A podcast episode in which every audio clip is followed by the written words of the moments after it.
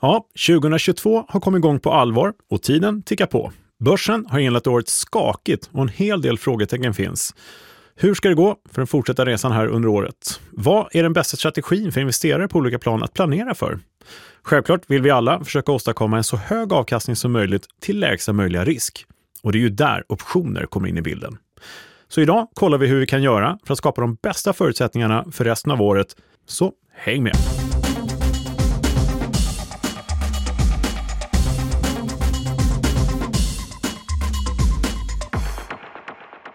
Ja, varmt välkommen tillbaka till Optionspodden. Här är ju podden serie kunskaper som ingen privat eller professionell investerare på börsen bör vara utan, tycker vi.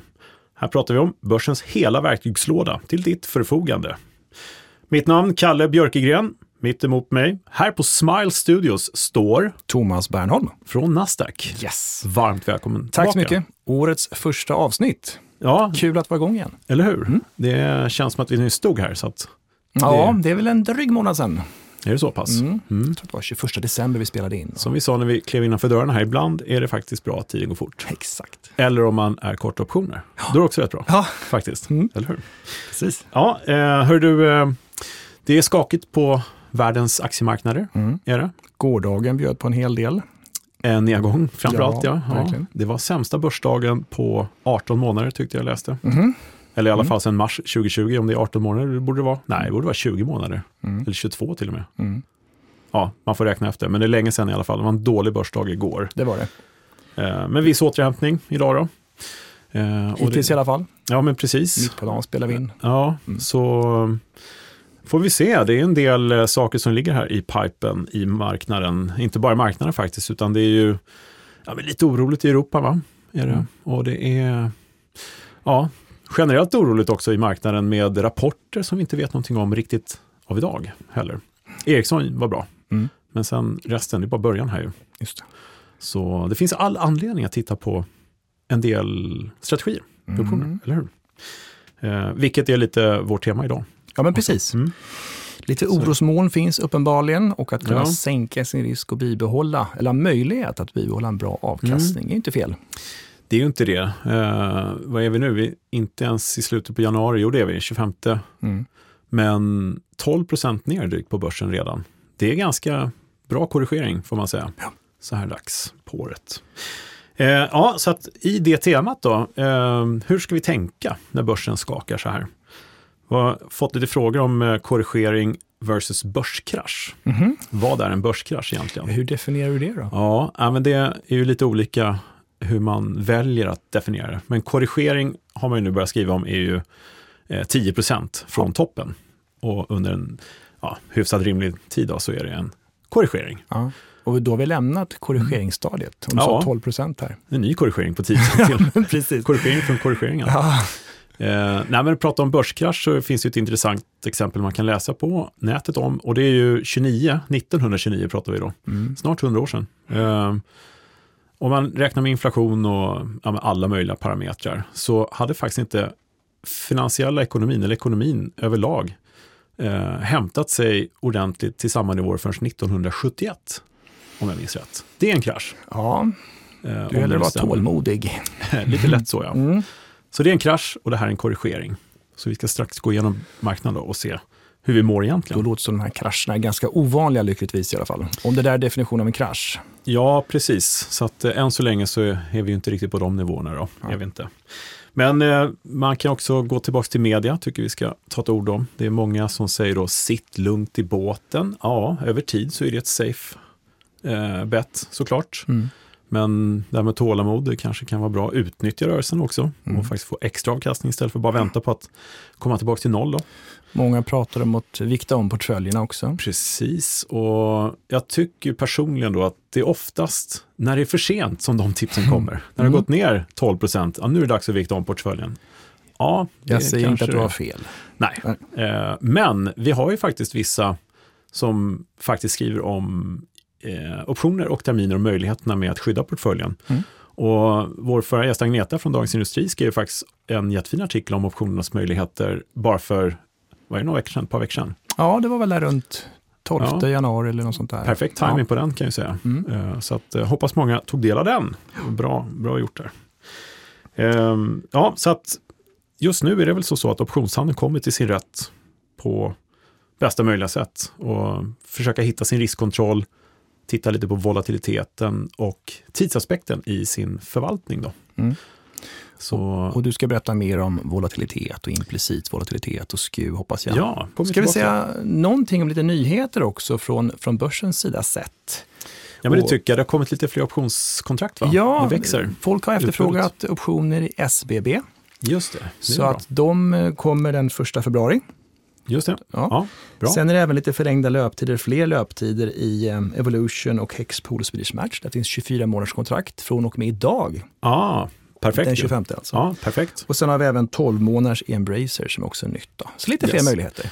Det är bra och Mm. eh, jag vet ju att det är full aktivitet på börsen för att eh, ta upp sådana här intressen för vilka nya kontrakt, eventuellt Mm. nya underliggande och eh, nya löptider. Det kommer faktiskt nya löptider i alla underliggande.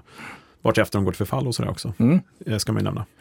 Så ja, men det är bra. Det är full aktivitet och ännu fler möjligheter kommer. Det känns bra tycker jag. Och finns det önskemål bland lyssnarna så går det ju Mm. utmärkt att eh, höra av sig till Optionspodden. Så kan, Yes. får du framföra det till börsen, Kalle. Jajamän, Ja. det ska jag absolut göra. Bra. Men du, eh, marknaden då, som sagt, ska vi kolla lite grann närmare i våra termer hur börsen mår på riktigt? Det tycker jag. Då gör vi det. Bra, Kalle. Hur ser det då ut på börsen? Ja, det är ju eh, ja, lite återhämtande läge exakt just nu, men det är ju skakigt värre i eh, den här inledande delen av 2022. Ehm, får man lov att säga. 12 procent ner, eh, eller någonstans där i de krokarna. Eh, säger ju en hel del. Eh, vi kom ju från en jättestark marknad eh, fjolåret och efter corona och allt det där. Eh, men vi har ju sett räntor framförallt som har oroat och ja, men det är ju nära krig i Europa, gud förbjude, och lite andra Mm. saker. Och det är fortsatta pandemirestriktioner som kom här som, ja, nu hoppas vi att allt är lätta förstås, men det har ju satt sina avtryck på börsen. Så förmodligen Så- mindre eller färre stimulanspaket och så vidare också. Så det, det finns ju en del sådana här saker. Ja, det är Men- stimulanser som kommer sluta. Ja, men, men hur återspeglas detta i siffrorna Mm. som du brukar dra? Då? Jo, eh, vi tittar på VIX-index, volatiliteten, och eh, den har ju av naturliga skäl gått från lugna 20% upp till Mm. över 30. Sådär. pekade upp mot 38-39 intradag. VIX-index gjorde det här eh, när det var ja, häromdagen då, när Mm. det var riktig bäs på marknaden. Så att den här korrigeringen från toppen den skapar turbulens och högre volatilitet. Vi har dessutom precis just nu en rapportperiod ju. Mm. Det skapar ju högre volatilitet generellt sett. Man eh, liksom tar lite höjd för att det kanske inte blir så bra som man har trott och sådär. Och man köper försäkringar på sin innehav och så vidare. Eh, men VIX-index ska jag ändå säga så här, har, ligger just nu kring 31 och 60, strax under 32. Det är högt. Det är ett läge där man normalt sett väljer att gå in i andra eh, placeringar, andra värdepapper än aktier, eh, som är lugnare då. Men samtidigt så är det faktiskt inte så illa som man har sett tidigare gånger det har korrigerats. Vi hade de här topparna under förra året på hösten. Då kom vi upp där och gå ganska snabbt ner mot ja, men 25 och 20 igen, tills det blev nya höjder på börsen. Nu är det ett annat läge, nu är det liksom nya förutsättningar, så det är inte uppenbart att det ska ske igen. Men summa summarum ska man säga att det är en ganska naturligt högre risk i en korrigerande marknad. Mm. Så där vi är just nu så har vi haft en korrigering, det är 12% ner och risken är högre, men allting är liksom precis som det ska vara. Ja, det sticker Ja. liksom inte ut på det Nej, sättet. det gör det inte. Eh, och då går vi vidare till SKEW-index som då brukar vara den indikationen på hur man förbereder sig för kommande rörelser. Här har vi haft, om du minns, så, eh, sista gångerna, eh, sista avsnitten förra året, så har vi pratat om en nivå kring 150 på SKEW. Det har varit oerhört högt. Man har varit villig att betala dyrt för skydd på nedsidan för en korrigering. Nu är korrigeringen ett faktum. Och vi har liksom fallit ganska många punkter, så nedsidan är ju det nya at the money, Mm. eller hur? Just det. Vi befinner oss nu på nedsidan faktiskt, på index, om du säger. Ja, precis. Ja. Ja. Och den nya nedsidan då, ännu längre ner. Eh, hade det varit en oro där alla investerare, de som styr, tycker att ah, det här ska ner mycket mer, då hade man ju förstås varit villig att betala upp för försäkringen på nedsidan. Det har man inte gjort, utan SKEW har fallit i takt med att at the money, VIX det vill säga, har fallit, Mm. eller har stigit. Så har SKEW fallit ner från 155-nivån hela vägen ner nu till 130-nivån faktiskt. Och just nu sista print är 136 ungefär. Så att eh, nedsidan har inte ökat i pris i relativa termer Just mot den nya nivån. Eh, Det har ökat i pris i kronor sett så att säga. Men Så inte, är det ju. Ja, Precis, Mm. men det har inte ökat i relativa Nej, termer sett så att man betalar upp för skydd på nedsidan. Mm. Eh, Så man är, om man ska dra en liksom, enkel slutsats, som inte är någon sanning, men en enkel slutsats är att man är inte eh, i tron om att det här kommer gå ner ytterligare 5, 6, 7, 8 procent, Nej. eller 10, eh, just nu, i närtid. Eh, så att eh, 120 brukar vi säga är normalnivån på SKEW-index och eh, det är fortfarande en bit över det, så att det är oroligt är det fortfarande, Mm. men det är inte så oroligt på, på tårna är ju inte investerarna som har varit tidigare, Nej. om man tittar på den priset. Nej, som du sa, väldigt mycket högre eh, värden i, i höstas. Verkligen. Ja, Så SKEW ska man gå in och titta på så får man ganska klar bild på hur man är villig att betala för nedsidsskydd. ja. Sen tittar vi då på volatiliteten på VIX-index som är otroligt spännande och intressant. Eh, och här har vi en god indikation på hur oroligt det är med hänvisning till hur turbulent man tror det ska bli på Mm. VIX-index. Alltså spekulationen i hur volatil marknaden ska bli framöver, helt enkelt. Lite så. Jämför de här två tillsammans så får du ju en, eh, ja, en helt enkelt en enkel ratio med volatiliteten på VIX mot VIX. Och för att göra det enkelt här nu då, så brukar vi säga att ju närmare högre upp, ju 7-8 i den här ration, desto större är sannolikheten då för att man faktiskt kan förvänta sig en korrigering eller en nedgång Mm. i närstående. Nu har den här nedgången faktiskt bekräftats. Nu är vi ju där. Nu Japp. vet vi att det har skett. Japp. Så det här, risken för en ny, har fallit här. Så nu har vi en, eh, den har gått från sist 6,5 ungefär, låg vi på, har fallit ner under 5 och nu ligger den på 5,04 om man ska vara helt exakt. Och det har den inte gjort sedan, ja, kan det vara mars förra året ungefär, 21 då. Så att eh, enligt det här måttet så har vi också korrigerat klart just av idag. Okej. Eh, så att det ser Med, med lugnt ut. rådande nivåer på olika. Ja. Precis, med rådande nivåer och allting, allt annat lika idag. Sen ska man säga att räntefaktorn är fortfarande någonting man pratar om när man värderar sånt här. Eh, så det kan ju hända saker när som helst där. Vi har ju fortfarande det politiska läget som är, är tufft. Eh, ljusning, som jag tyckte jag såg under nyhetsrubrikerna när det gäller ekonomiska termer, är ju faktiskt pandemiläget. Mm. Det kommer allt ljusare liksom, Man rubriker släpper här. på restriktioner och så. Ja, lite så. Just det. Och eh, det är ju bra för livet i övrigt, men eh, att det i ekonomiska termer och börsläget också är positivt är Mm. tydligt. Mm. Är det. Bra. Så att, eh, ja, vi har kommit till en korrigeringsnivå och eh, just nu är ingenting som tyder på att det ska ner ännu mer. Men vi råder att följa dessa index för närmare liksom, information. Då. Vårt eget index, här var det lite spännande på OMX-index. Lite Låt snabbt. höra. Ja, eh, jag vet att du och jag samtalade på börsen där om nivån när det började gå ner lite grann innan den här stora. Du tänker på Nedgången. när vi pratades vid förra veckan? Ja. ja. Då eh, så frågade du mig, vad ligger vållan på index just nu? Mm. Eh, implicit. Och då tänkte du kanske att det var upp på 25, 26, 27 procent där, eller hur? Mm. Jag tror det, ja. Men då, det rörde sig nämnvärt lite på eh, premien på index. Och den låg på 18, 17, 18 bara. Vilket var anmärkningsvärt. Det gick ner och det var liksom turbulent, men det avspeglades faktiskt inte i vårt eget index på de, eh, våra egna optionskontrakt där. Sen eh, steg jag lite 23 för mig att du sa till mig också, då, någon dag senare. Ja, det Ja. började ticka uppåt där gjorde Mm. det. Och nu, eh, ja igår blev det ju väldigt turbulent och så nu har vi en eh, eh, implicit volatilitet på 26 procent lite drygt, 26,3.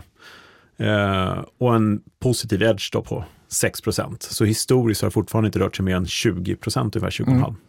Så det här är ganska lugnt, skulle jag vilja påstå. Det är ganska låga implicita nivåer jämfört med ja, tidigare om åren när det har faktiskt blivit lite turbulent. Då. Ja, Så frågan är om det finns uppsida kvar eller om marknaden är ganska lugn i den här korrigeringen.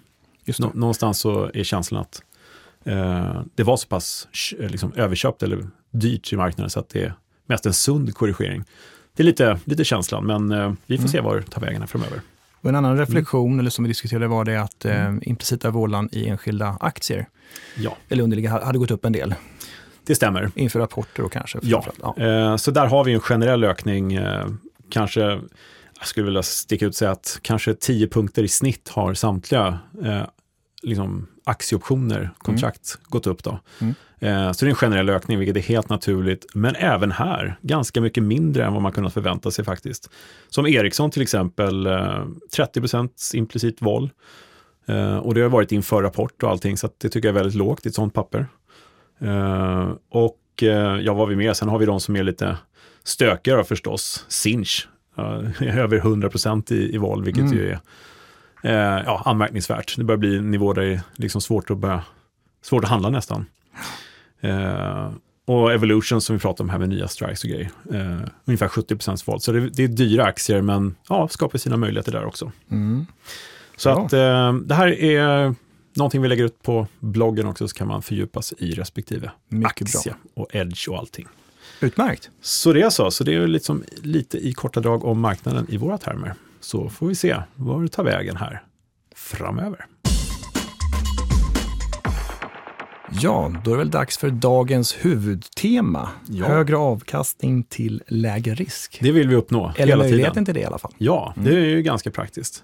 Absolut inte Ja. att säga nej till. Liksom. Nej, och vi ska nämna några sådana eh, strategier eh, som man kan tänka på och kanske överväga om man är intresserad av olika Mm. marknadsscenarion här framöver. Ja, men vi har ju fått, eh, det kommer mycket frågor. Gör. Hur ska vi tänka eh, när det är turbulent? Hur Ja. ska vi göra för att minska vår risk? Eh, och alla vill ju ha en hög avkastning förstås. Eh, Så vi har tagit fram här ett antal eh, från ja, men, grundnivå får vi säga till lite högre nivå eh, strategier man kan gå in och titta på och ja, förklara vad de kan ge. Någonting att klura på helt enkelt. Ja, lite står. så. Ja.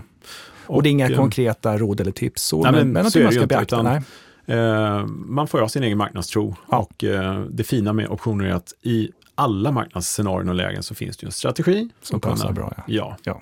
Underbart. ja, men visst. Ja. Och jag tänkte börja med en, eh, en av mina favoriter och det är inte Strangle i det här läget. Så, Nej. eh, den är ju min klara favorit. Då. Nej, men jag får mycket frågor om eh, covered calls. Mm. Får jag. Eh, och en covered call, det är helt enkelt eh, sälja en köpoption mot sitt aktieinnehav. Eh, och när man har aktieinnehav så blir det en covered call, för man kan ju leverera aktien man äger då till köparen av köpoptionen. Men det finns ett par olika sätt här nu att tänka på en covered call faktiskt. För vad är det som händer när marknaden blir stökig? Jo, volatiliteten stiger. Mm. Och med volatiliteten så stiger också priset på optionen, det vill säga premien. Lite bättre betalt om man säljer helt Ja, enkelt. Ja. så är det ju. Och eh, det finns ju, eh, vi nämner ju ofta covered call, eh, för den kan det vara den vanligaste strategin möjligen. Det sägs så. Ja, Mm. för den är så pass enkel och lätthanterlig på det sättet. Eh, om vi börjar då, vad jag säger då, neutral volatilitet. Hur menar du då? Mm, jag menar när det inte är turbulent helt enkelt, när det inte är ovanligt turbulent. När marknaden är, ja men egentligen som den varit under större delen av förra året där. Ganska lugn. Mm. Som Så. det brukar lite grann. Ja, ja. lite så här, 20 vol skulle Ja, jag kunna säga. Ja.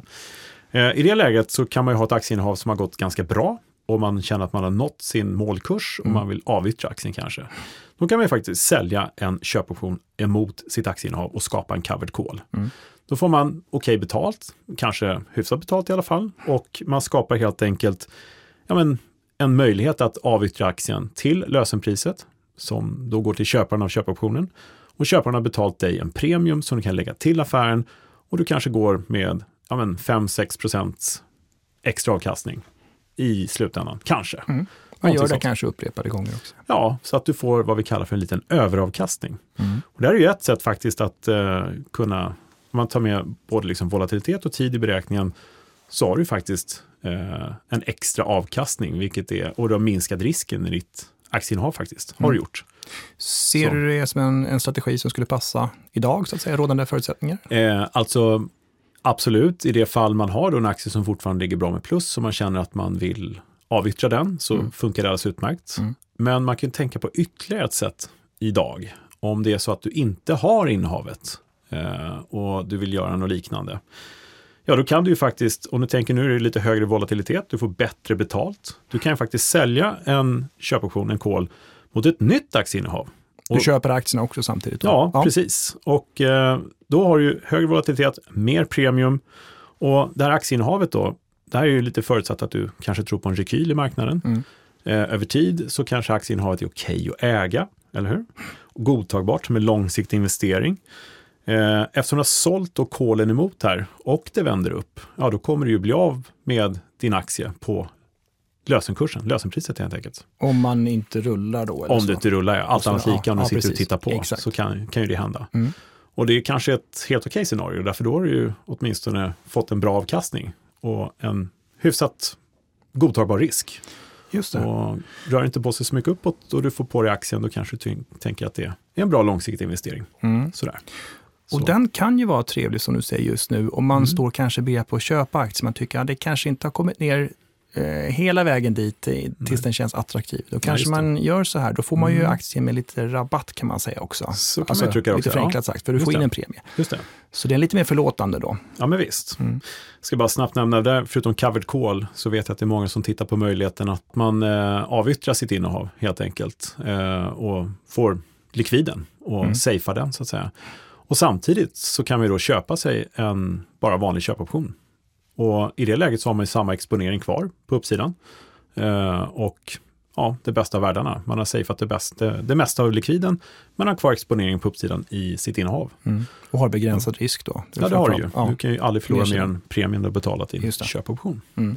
Ehm, Så och, och, och ska man vara väldigt detaljerad så kan man tänka också samma exponering som en aktie. Man ska dock tänka kanske eh, i deltatermer lite, Mm. om man ska gå in på den, lite överkurs kanske. Men, eh, Ja, om eh, du ska räkna på premien så är det ju bra. mm, Ehm, om du spekulerar bara i köpoptionen och hur mycket premien ska växa och sådär. Ja. Ehm, och då precis. kan det bli annorlunda förstås. Ja, Mm. Ja, intressant. ja Och, och lite grann på det temat, vi vet ju också Mm. att en utfärdad säljoption är, är det samma syntetiskt som en covered call. Man kan titta på det också. just det.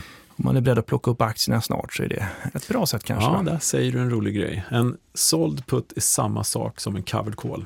Så är det faktiskt. Rent grafiskt så är det exakt så. Mm. Bara gå tillbaka och lyssna på avsnittet med syntetiska positioner. Säg, inte- säg inte att du kan det utan till också, eller? Nej. Nej. Ibland så kommer du ihåg Jag kan det ju, men jag ska inte säga det. Nej, precis. Nej. Då blir du för nördig. Ja, Bra. Eh, nej, men såld put, eh, alternativ också självklart för den som tror på återhämtning här. Mm. Eh, Vållan har stigit, du säljer en put, får lite bättre betalt just nu i alla eh, aktieoptionspapper. Eh, mer premie och eh, ja, då har du ju...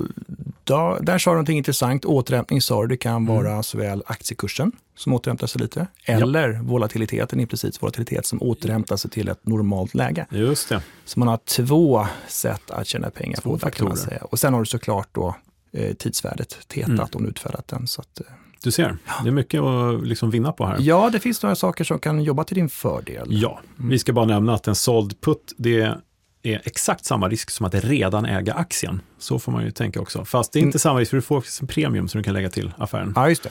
Så går den till noll så har du åtminstone premien. Ja, precis. Så ja, jag tänka. sparade några procent. Ja. ja, men det är bra att tänka så. Sälja puttar, är, det är samma sak som faktiskt köpa aktien direkt. Det är samma risk, är det ju. Mm. Så. Sen får du lite frågor om kanske lite mer avancerade, om man säger så, strategier, eller? Ja, Mm. eh, det är därför bra att du är med, så du kan förklara hur det fungerar. Ja, men precis. Ja. Vad ska vi prata om då? då? Jo, Har- men eh, det finns ju, eh, eh, ju, ju fler optionskontrakt du blandar in i en strategi, desto mer blir det förstås att räkna på. Mm. Eh, vad som händer när man går mellan olika nivåer och sådär. Och när det kommer till puts här då, som har varit på tapeten när det blir mer turbulent, så finns det ju två varianter. Dels är det put ratio, Mm. Och om man säljer en put ratio, gör precis tvärtom, det blir en put backspread. Ja, just det. Sådär. Mm. Det finns lite olika namn för den här, men det är en mot två helt enkelt. Mm. Köper en, säljer två. Eller du köper två, säljer en. Just det. Och Och sen vissa lite- kör ju typ en mot tre en mot fem och sånt där också. Så det, ju, Ja, men det visst. finns många varianter på de här. Eh, precis, så man, det är svårt faktiskt i radio har vi märkt att eh, försöka förklara exakt hur en put ratio fungerar. sådär. Ja. Eh, det är två olika break-even-punkter och så här, så att rådet är väl kanske att gå in på optionsbloggen till exempel och läsa mer om den här. Precis. Eh, Men vad man kan säga kanske Mm. i korta ordalag, för de strategierna som du nämner är ju rätt spännande. Ja, Men verkligen. om du, vi säger som vi köper put ratio, det, alltså det är Mm. också så här, eh, betalar du en premie säger man att man köper, annars så säljer och sånt Men vi säger så här att Mm. du köper en put ratio, då menar vi att du kanske köper en at the money put, Mm. En, och sen utfärdar du exempelvis två, en bit ner, out of the money. Just det, precis så. Eh, och backspreaden blir det omvända. Då Mm. utfärdar du kanske då at the money-putten Ja. och köper dubbelt så många eh, out of the money-puttar en liten bit ner. Ja. Och det kan ju resultera i plus minus noll det här. Mm. Ja, men precis, att Ja. det är enkelt att räkna på det verkligen. Ja, men det är det. Så vi säger att at the money kostade 5 kronor eller, Ja. ja. och de en bit ner, out of the money kostar 2,50. Mm. Ja, är Då tar de ut varandra. Ja. Men det fina är, om du köper den här put ration Mm. och det går ner lite grann, Mm. så har du alltså inte satsat någonting Nej. och kan tjäna bra med pengar. Ja. Worst case, faller på ganska mycket, så Mm. åker du på att köpa på eh, aktier helt enkelt en bit ner. Exakt, så put ratio är om du är svagt negativ i din marknadstro, Mm. att ska gå ner lite sådär. Och är lite snål Ja, och, inte, och inte vill betala för mycket Nej. för dyra optioner. Nej, just det. Eh, Går det ner för mycket förlorar du på den här positionen, Mm. gör det. och då säger det sig självt att backspreaden Mm. blir då lönsam om det faller mycket. Ja, exakt så. Mm. Och ja, den blir ju, den, du, det måste falla mycket för att det ska bli Exakt. lönsamt. För faller det bara lite, då åker du på en maxförlust på den här. Precis. Vilket också är en begränsad förlust och kontrollerbart. Men om det blir samma scenario som i ration förstås, Mm. då är det ju inte så bra. Så om du tror på en starkt turbulent nedåtgående marknad, då är backspreaden din position. Precis. Helt klart. Ja. Så um, ja, och sen så om det går upp, uppåt i båda de här, så har du ju, har du gjort den på noll så har du ju ingen risk. Nej, Ingen förlust förutom avgifter då. precis. Eh, om du betalar 50 öre eller någonting så är det bara det du förlorar på uppsidan. Ja, om det går upp ja. Om det går så, uppåt, så att ja. de blir the money. Ja, men visst. Ja, Ja, det är negativa, ska vi säga, båda strategierna är för negativ marknadstro. just det. Ration för lite lagom, lite negativt och backspreaden för kraftigt negativt. Mm. Nej, men kika gärna mer på, på nätet Mm. då och lyssna kanske i, eh, i det avsnittet. Sådär. Ja, men visst. Så att eh, där har vi ett litet, eh, en liten palett med olika saker. kanske kan räcka så eh, att titta på. Det är covered calls, det är sålda puttar och ja, put ratio och put backspread. Mm. Det är någonting att överväga och kolla på i Mm. dessa tider. Och som jag sagt flera gånger tidigare, fästa inte eller fastna inte vid en strategi. Nej. Gå igenom, vad är det jag tror på? Vad blir bäst? Det, det, ibland blir det, man blir överraskad över att Nej, men det var ju den här som var den jag skulle ha egentligen. Exakt så. Och ta den här lilla tiden och simulera, Ja. vilket inte tar för lång tid, men det kan ge så otroligt mycket. Och det verkligen reducerar riskmoment. Mm. Och sen var, ibland kan man hamna i ett, ett läge där marknaden plötsligt står på en ny nivå. Man vet inte riktigt var man befinner sig då i sin Mm. position. Så det är alltid nyttigt, simulera innan då. Det Bra. brukar, brukar vi tjata om, va? så det är bra. Det låter bekant. ja, jag är lite tjatmuster på det sättet. Men eh, nog om det. Bra Mm. om lite ja, goda strategier för lägre risk till högre avkastning under 2022. Just har det. vi gjort en bra kickstart tycker jag. Bra. Vi är inte färdiga för dagen med det här bara, utan det finns lite mer att ta upp, eller hur? Ja, men det gör ju det. Ska vi kolla vad vi mer vi har då, helt enkelt? Mm. Ja, det. Frågor och annat. Ja. Då kollar vi det. Kalle, jag har en fråga. Låt höra. Har det kommit några frågor? Du ställer alltså en fråga om frågor. Yes. Eh, det har kommit frågor. Hur många? Ja. det har du gjort. Shoot. Ja, nej men eh, eh, säger alltid stort tack för alla frågor. Det kommer verkligen mycket och många roliga frågor. Ja. Jag har inte hunnit svara på alla. Det är typ fysiskt omöjligt, men jag gör mitt bästa. Ja. Gör jag. Men eh, vi tar lite frågor som är vanligt förekommande. Och det här med volatilitet har kommit. Christian är en av dem som har frågat. Har ni någon metod för att scanna fram vilka aktier som just nu är mest volatila? Mm. Och det enda jag kan säga där är att eh, scanna fram, det, det finns ju eh, eh, historisk volatilitet som vi mäter mot den implicita volatiliteten. Mm. Den historiska är ja, så det underliggande har rört sig fram till idag. Den implicita är vad marknaden tror det ska röra sig fram till ja, någon gång i framtiden. Och då får du en spekulationsgrad som du kan jämföra med den historiska. Och det kallar vi för edge, det är det vi går igenom här ju. Det här kan man hitta på nätet faktiskt. Eller allra bäst kanske i ett handelssystem som Infront. Där har vi både implicit volatilitet och historisk. Och man kan bara gå in och titta på respektive aktie där och scanna av. Och du uppdaterar dina Mm. Excel-sheets ibland på... Ja, det, är- det är ju inget live, men Nej. eh, jag gör ju eh, så regelbundet som det bara går. Mm. Eh, sådär. Eh, ska se om vi kan göra någonting. Det är ofta efterfrågat om vi inte kan Mm. ha något eh, lite mer liveaktigt där. Så vi jobbar på det, men det kommer på optionsbloggen.se också. Då. Bra. Eh, I samma andemening så har det kommit en del om veckoptioner som vi har pratat en del om. Sådär. Eh, eh, jag har hört dig nämna om att veckoptioner finns att handla, men jag hittar inga. Mhm. Eh, och det kan vara så att kontraktet i sig är lite anonymt om man inte vet hur det ser ut.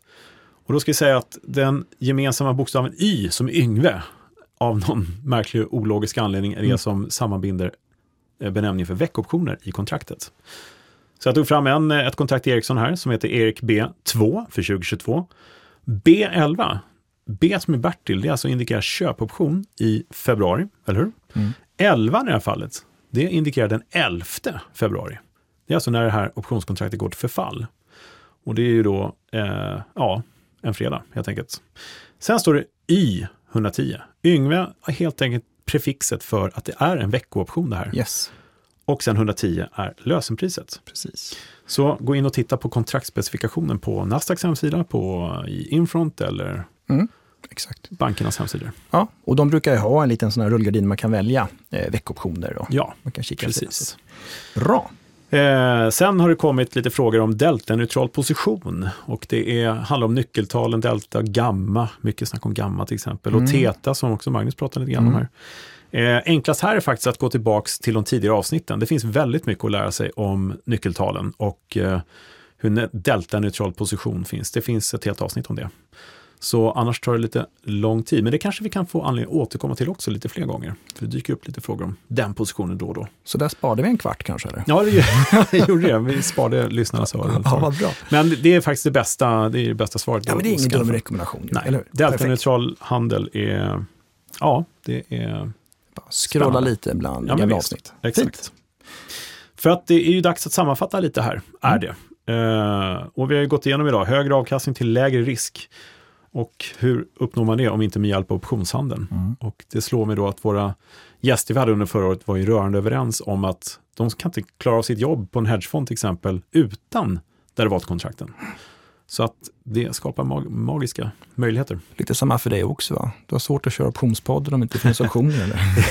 Det, det kan bli problem. Att Tänker jag, att det finns optioner. Ja, jag är väldigt glad. Förlåt här. Jag är Tappar väldigt glad över att optioner finns för min egen del. Annars får inte jag någon mening här i livet, höll jag på att säga. Har du, något, exakt. Ja. har du något ordspråk att bjuda på? Ja, eh, det har jag. Eh, Och eh, det kommer glädjande nog många ordspråk till oss här också, från lyssnare. Men det här kom från Abraham Lincoln. Skickade han in det? Lincoln. Han skickade in det. det var lite förvånad faktiskt. Men han sa så här, Give me six hours to chop down a tree and I will spend the first four sharpening the axe. Mm. Och det här har lite att göra med att planering är en dygd, alltså målsättningar och en trading plan. Och vad är det viktigaste efter det? Följ planen. Mm. Så Man kan hemma. säga att han var slipad, va? hur? Han var slipad. Du är i form idag Thomas, det är grymt. Fan härligt. Eh, du hade, jag vet att du hade ett ordspråk också, låt höra. Ja, nej men jag såg ett nyligen. The strongest of all warriors are these two. Time and patience. Ja, Det kan vara en liten tröst också när det rör sig åt fel håll och sådär. ja, bra. Oftast går det upp över tid. Så att, eh, Vem sa sådär? det var någon som heter Leo Tolstoj. Tycker jag känner igen ja. Ja, exakt. Skickade han in det till dig eller? Nej, Nej. tyvärr. Jag har inte kontakt med honom. Ja, Ja. men vad bra. Ja. Du, en sista grej här bara, väldigt viktig. Mm. Vi lovade ju ut en ytterligare en hoodie. Det gjorde vi. Det är mycket snack om hoodies. Många vill ha hoodies. Eh, och eh, Då är det glädjen att vi kan dela ut några. Ja, och vi lottade då bland ett, ett gäng eh, här. Och eh, ja, gratulerar säger vi till Thomas Lindblom som eh, föll på lotten. Han kommer få en hoodie. Mm. Och stort tack till eh, Thomas och övriga faktiskt med jättefin feedback faktiskt.